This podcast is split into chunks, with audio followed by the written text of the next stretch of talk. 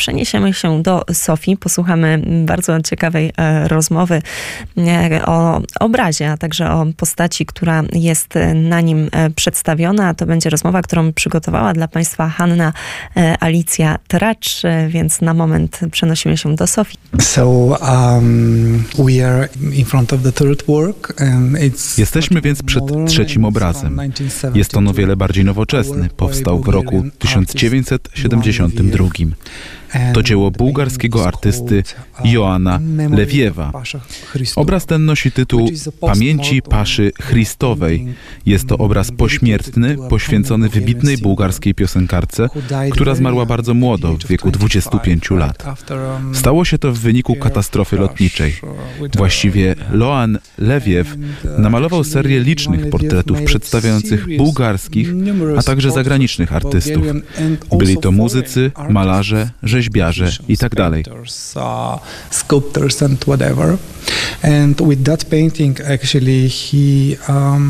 Tym obrazem artysta chciał upamiętnić osobę Paszy Chrystowej, ponieważ była ona bardzo kochana przez Bułgarów i bardzo cierpieli z powodu jej śmierci, w szczególności, że była bardzo młoda, kiedy umarła. When she died. And I have to say for Pasha Christova that um, in 1970 uh, i muszę powiedzieć o Paszy Chrystowej, że w 1970 roku otrzymała wyjątkową nagrodę na festiwalu Złoty Orfeusz, który był bardzo prestiżowym festiwalem muzycznym w Bułgarii. A potem w 1971 roku wygrała dużą nagrodę bardzo ważnego festiwalu w Sopocie w Polsce. Myślę więc, że może niektórzy Polacy wiedzą o Paszy Chrystowej i jej twórczości. Jest to więc bardzo, bardzo piękny obraz i właściwie jeden z najbardziej ulubionych obrazów bułgarskiej publiczności. A mógłby pan go trochę opisać?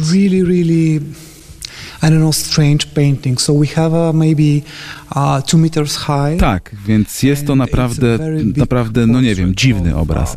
Ma może z dwa metry wysokości i jest to bardzo duży portret przedstawiający Paszę Chrystową. Jest na nim przedstawione bardzo dramatyczne niebo, które jest zobrazowane za pomocą oszałamiających kręgów.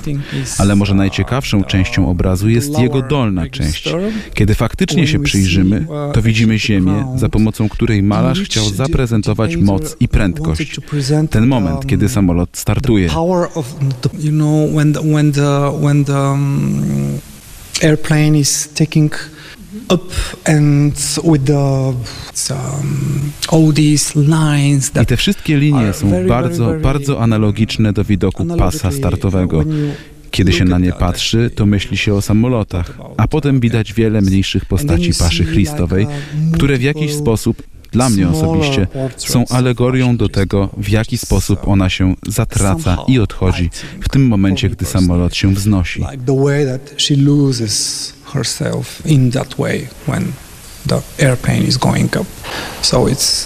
Więc ten obraz naprawdę jest związany z głównym wydarzeniem, a więc śmiercią Paszy Chrystowej. I to była opowieść o jednym z obrazów, który znajduje się w Galerii Narodowej w Sofii w Bułgarii. A jeszcze parę informacji o tym, kim była Pasza Christowa. Urodziła się ona w 1946 roku w Sofii, a w 1971 roku 21 grudnia tam też zginęła w katastrofie lotniczej. Samolot, którym Pasza leciała, startował z lotniska w Sofii i w trakcie wznoszenia się zaczął nagle gwałtownie opadać przód samolotu uderzył w ziemię, w wyniku czego samolot e, złamał się na dwie części.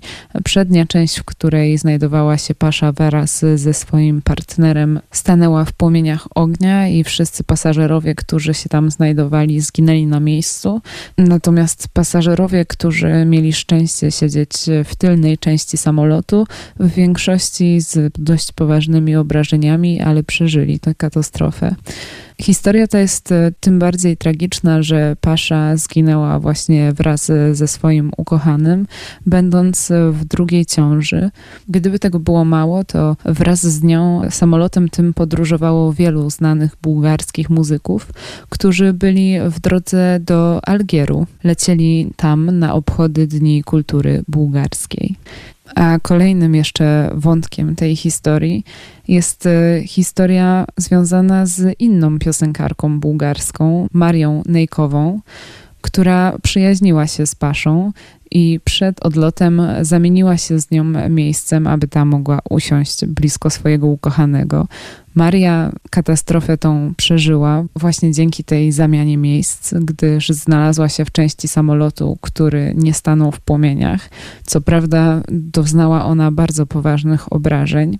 I kolejnym faktem, który dodaje tej historii jeszcze więcej tragizmu, jest fakt, że Maria Nejkowa 21 grudnia 1971 roku obchodziła swoje urodziny. Ponoć od tamtego zdarzenia już nigdy urodzin nie obchodziła.